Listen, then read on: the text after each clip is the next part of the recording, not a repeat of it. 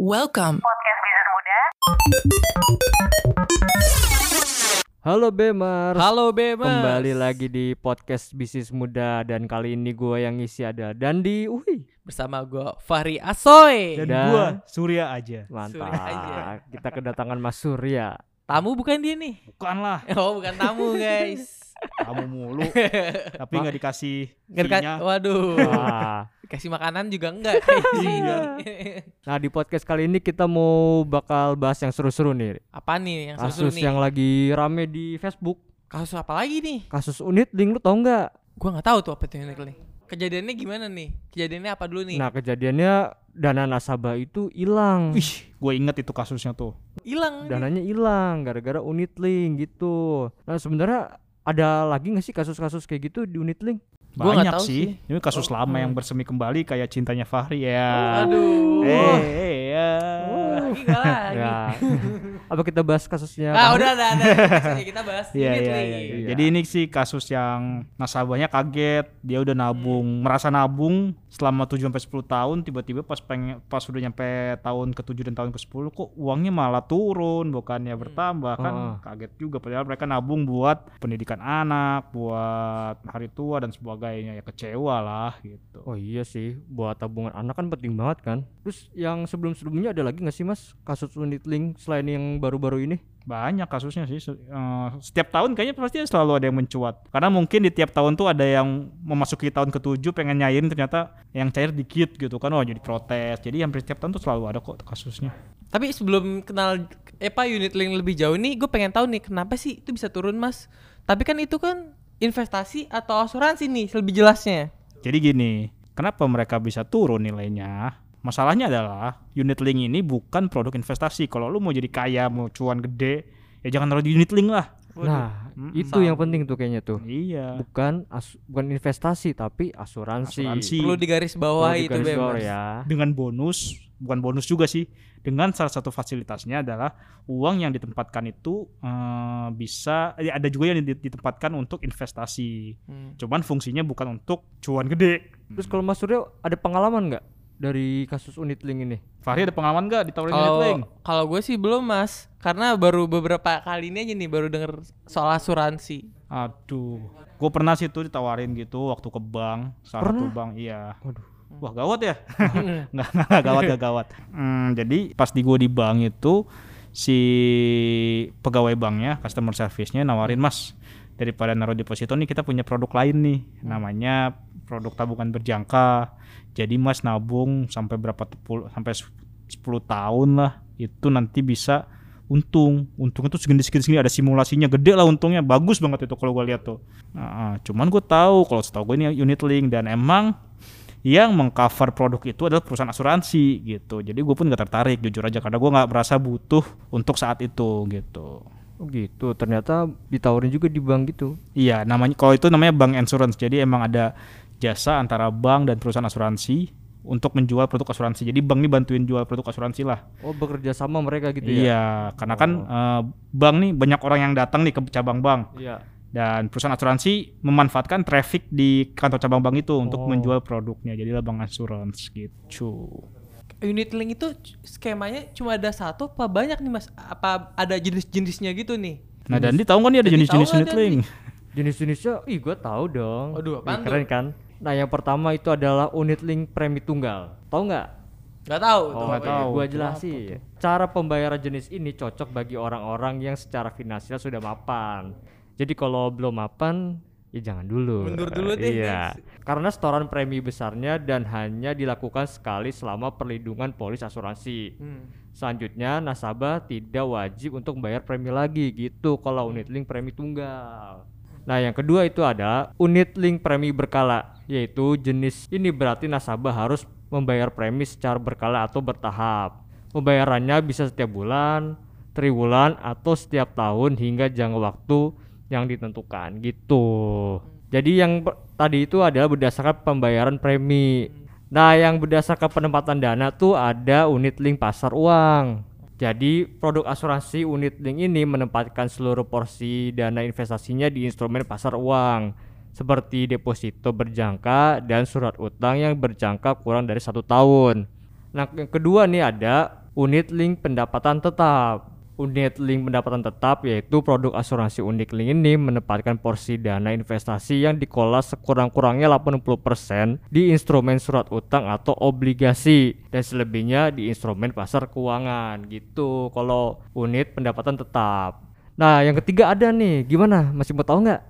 Iya, kayak bo- boleh boleh boleh. boleh, Coba lu sebutin lagi deh. Oke, ini ada unit link campuran, yaitu produk asuransi unit link campuran menempatkan porsi dana investasi di beragam instrumen seperti saham, surat utang, dan pasar uang dengan perbandingan yang tidak termasuk dalam kategori unit link pendapatan tetap atau saham.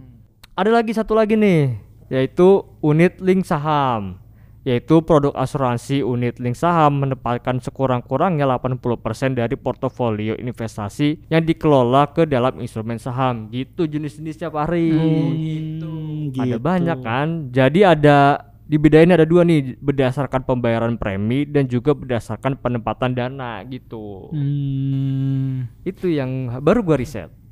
Mantap deh. Mantap risetnya Dan. mantap kan uh emang kayak udah diatur gitu ya keren kan ya iya kan ya Waduh. Terus lu riset apa lagi?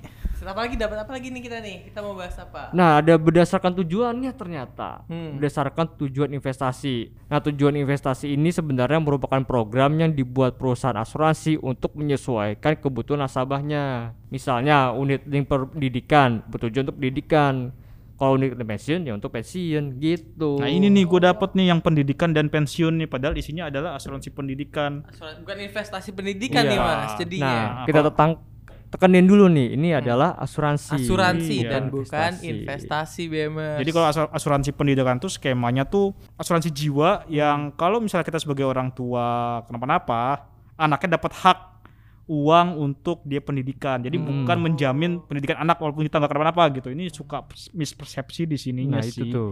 Sama uang pensiun juga ketika kita kenapa-napa sebagai kepala keluarga atau apa, nanti yang ahli waris dapat gitu Oh, sih. gitu. Ya, asal jangan dibunuh aja gak ada. Waduh, asuransi kayak di film-film kan ya. Oh iya, biar dapat asuransi. Biar Jadi dapat asuransi orang, tuh gitu tuh. Aduh, bingung banget.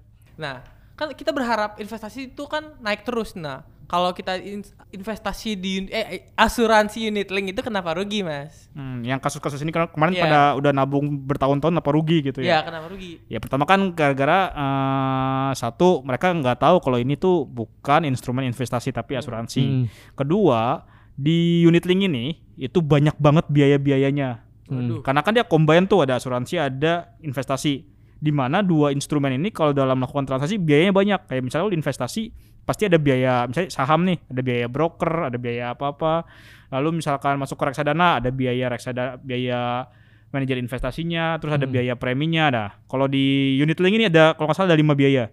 Biaya penempatan investasi, biaya premi, biaya administrasi, biaya operasional, biaya agen, biaya akuisisi, banyak banget ribet Oh, biayanya banyak ya. banyak jadi pas misalkan dia nabung selama 5 atau 7 tahun dia ada biaya-biaya yang harus dibayarkan itu akhirnya uangnya pun Ikut berkurang. ikut turun sebenarnya Oh. yang diinvestasikan porsi yang diinvestasikan itu turun nah pas pasarnya lagi jelek kayak sekarang kan Iya. habis pandemi nih pak ancur-ancuran nih pasar nih iya akhirnya eh, investasinya pun jelek juga kan Iya. ya uang yang udah berkurang karena biaya makin tertekan sama resiko investasi sedangkan si perusahaan asuransinya udah nekenin nih di polisnya nih kalau misalkan eh, investasinya mengalami rugi itu tidak dijamin oleh si perusahaan asuransi jadi ya mereka ya nggak tahu Oh. kenapa nggak bukan jadi salah mereka gitu Jadi uniting tuh nggak kayak investasi dalam tanda kutip yang dibayangkan ya. Mm-mm. Gitu, bukan investasi pada umumnya, Ri. Oh, gitu. emang kalau lu investasi ngebayanginnya apa di Iya.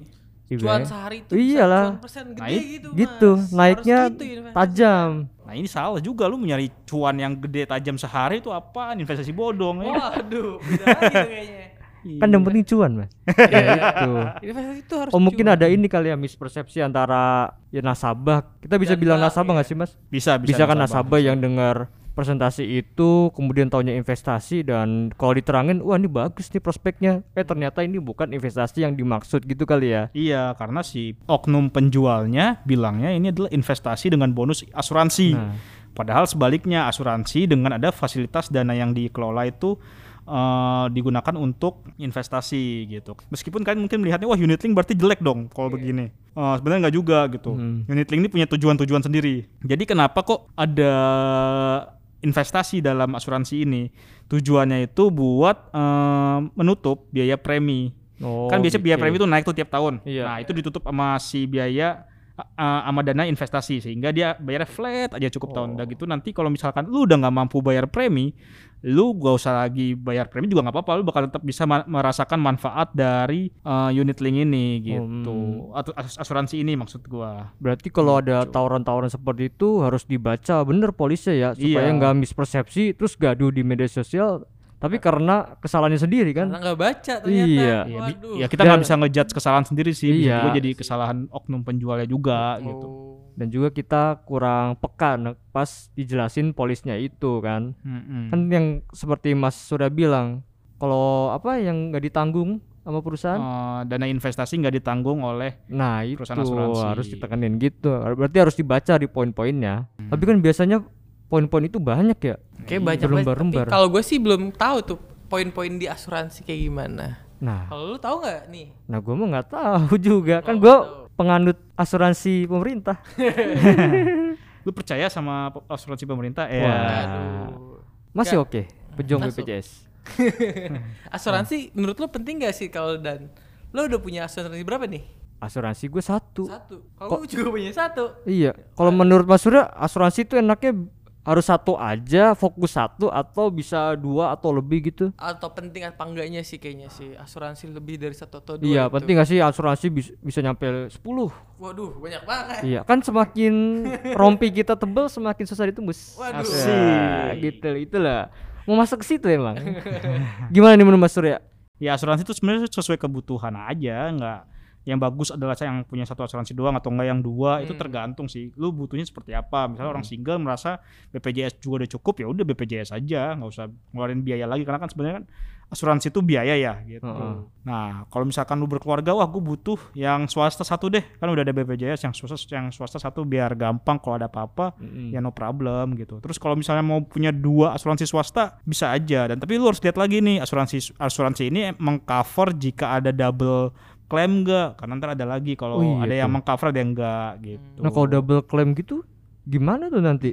ya bisa buat jadi kan kalau misalkan lu masuk rumah sakit nih eh nanti biayanya ternyata meleb- melebihi dari manfaat yang lu ada yang lu punya. Oke. Ya nanti dengan double claim lu bisa jadi gratis. Waduh. Oh, gitu. Nah, balik lagi ke unit link kalau misalkan eh, dari kasus yang tadi tuh yang nasabah kehilangan dananya tuh harus apa aja sih yang diperhatikan supaya kita tahu nih produk yang kita beli ini unit link yang bener. nggak ada unit yang salah sebenarnya. Oh. Yang salah yang menjual. Oh. Menjualnya ngasih taunya kayak apa dulu nih si Oh. agennya.